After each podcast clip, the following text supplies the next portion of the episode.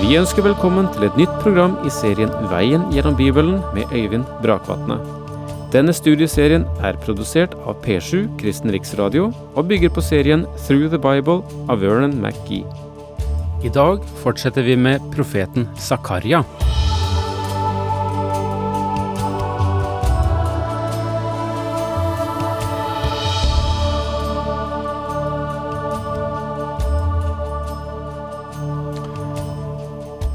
Profeten Zakaria illustrerer sitt budskap.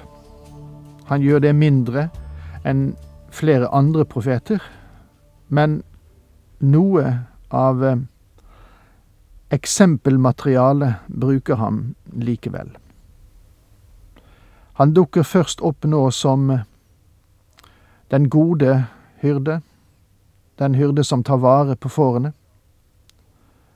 Og eh, han representerer da Guds måte å arbeide med folket på gjennom sin, gjennom sin godvilje og gjennom sitt forbund. Men eh, fårene ville ikke ha noe med denne hyrde å gjøre. Og dermed må Gud opptre annerledes overfor dem og bryter eh, sin godvilje mot dem og sitt forbund med dem, og må tukte dem og føre dem inn i vanskeligheter for å føre dem tilbake til seg.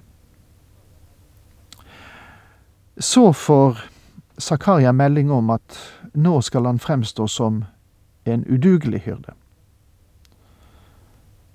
For å vekke folket til forståelse av hva Gud egentlig har betydd for dem, og hvorledes onde herskere, som nå vil herske over dem, vil opptre. Dette er også eh, en illustrasjon av den antikrist som en gang vil komme. Den som skal eh, splitte fårene, som skal ødelegge, som kommer nesten som en lysets engel, men likevel snart fører en hel verden mot avgrunnen. Vi leste sist eh, vers 16, og der går vi inn igjen og leser det. Og der sto det slik, For se, jeg vil oppreise en hyrde i landet, en som ikke ser etter dem som går seg bort, ikke leter etter dem som går seg vill, ikke leger dem som er skadet, ikke sørger for mat til de friske, men spiser kjøttet av de fete dyr og river klovene av dem. Ved min udugelige hyrde, står det videre, som forlater sauene, sverd mot hans arm og høyre øye. Armen skal visne helt, og det høyre øyet slokkes. Dette vers 17, for det er der vi befinner oss nå, Zakaria 11 vers 17, er en kommentar til hvordan Gud vil opptre overfor denne udugelige hyrde. Udugelig betyr her verdiløs. Han er ikke god, han er en stor forfører. Og denne udugelige hyrde har ikke noe å gi av verdi, men verden vil renne etter ham. Da Israel vraket den gode hyrde som var lovet, ble de spredt over hele verden.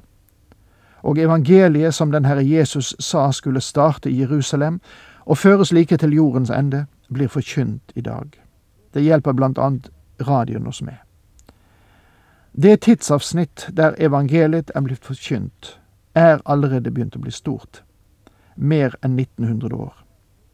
Senere vil denne falske eller udugelige hyrde dukke opp. Han er verdiløs, men han kommer til å love gull og grønne skoger.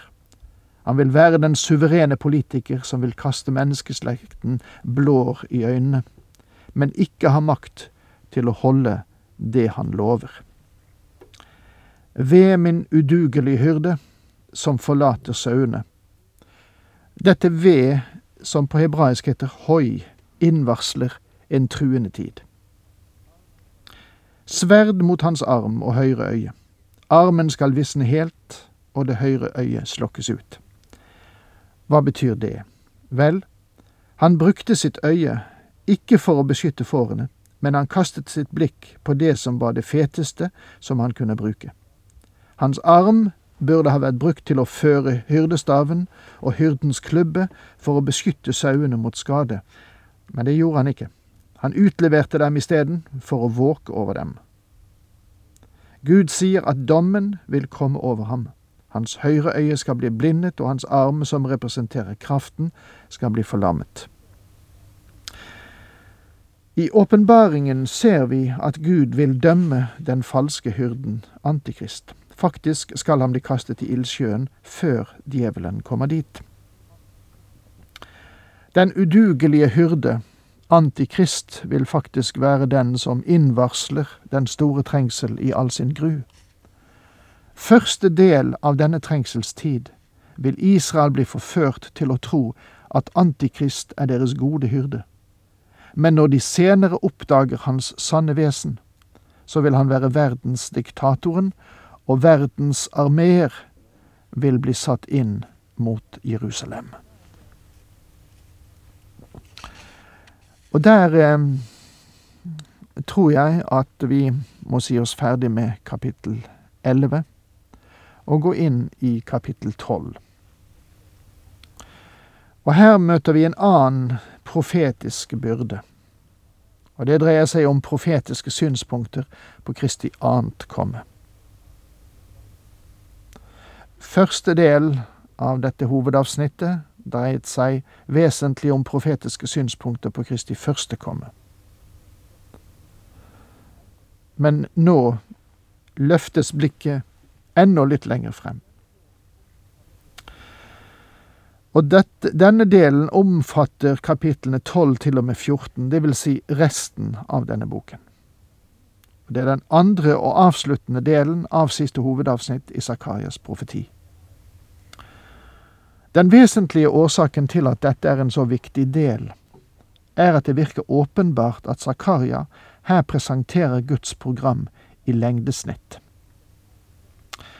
I kapittel 11 viste profeten oss først at den sanne hyrde, den som gav sitt liv for fårene, ble vraket. Faktisk ble han solgt for 30 sølvpenger. Uhyggelig billig. Vår forløsning ble ikke skaffet til veie gjennom sølv og gull, men gjennom Kristi dyrebare blod. Men du verden, så billig han ble solgt den dagen.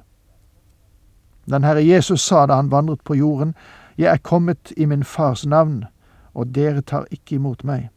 Men om en annen kommer i sitt eget navn, så tar dere imot ham, som det står i Johannes 5, vers 43.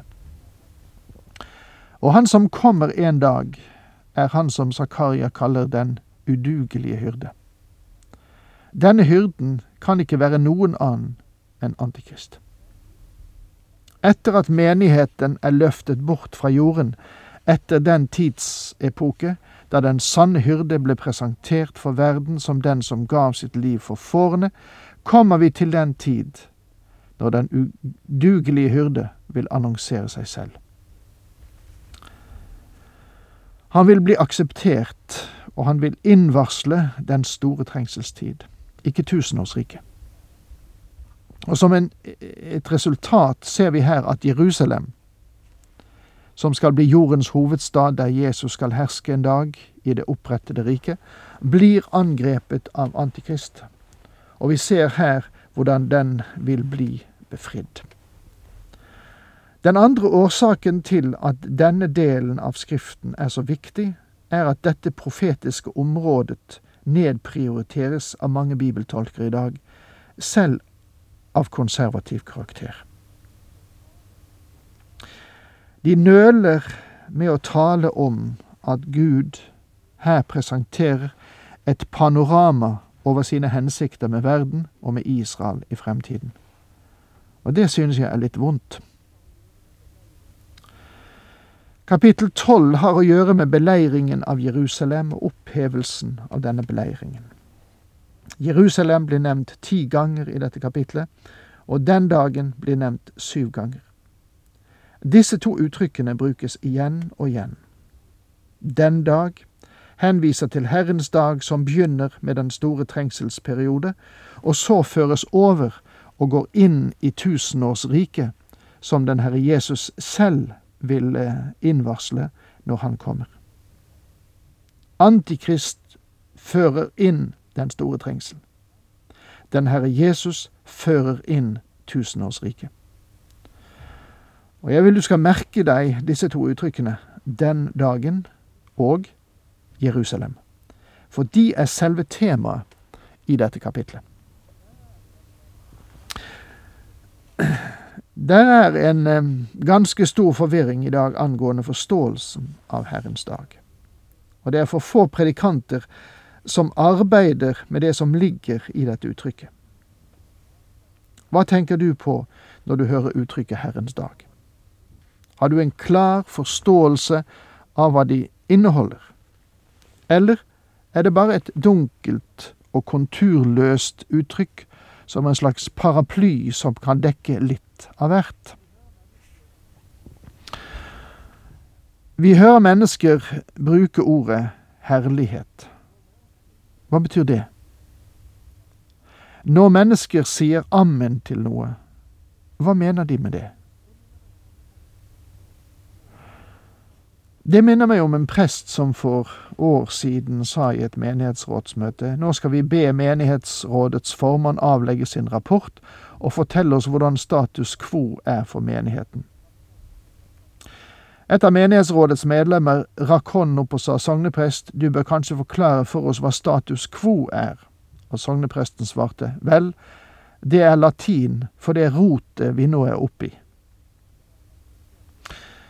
Min venn, visse uttrykk kan bety forskjellige ting for forskjellige mennesker. Herrens dag, eller den dagen, er et viktig uttrykk. Det forekommer 18 ganger bare her hos profeten Zakaria. Og dette uttrykket møter oss både blant de store og de små profetene. Herrens dag er faktisk hovedtema for Joels bok. Og Malaki taler om Herrens dag, den store og skremmende, som det står i Malaki 4, vers 5. Det er um, et av de viktigste temaene som løper gjennom Det gamle testamentet. Det ville kanskje være nyttig for oss å se på dette uttrykket enda en gang litt nærmere. Herrens dag, det må være klart at dette uttrykket ikke henviser til søndagen eller sabbaten slik du møter det i Det gamle testamentet. Og Herrens dag er ikke en 24-timers dag. Peter sier, men én ting, mine kjære, må dere ikke glemme, for Herren er en dag som tusen år og tusen år som én dag, som det står i 2. Peters brev, kapittel 3, vers 8. De hendelser som profetene inkluderer i Herrens dag, utelukker muligheten for at det kan skje i løpet av 24 timer. Ja, vi kom faktisk ikke lenger med det akkurat nå, for tiden er ute, men jeg håper vi møtes igjen. Takk for nå. Herren med deg.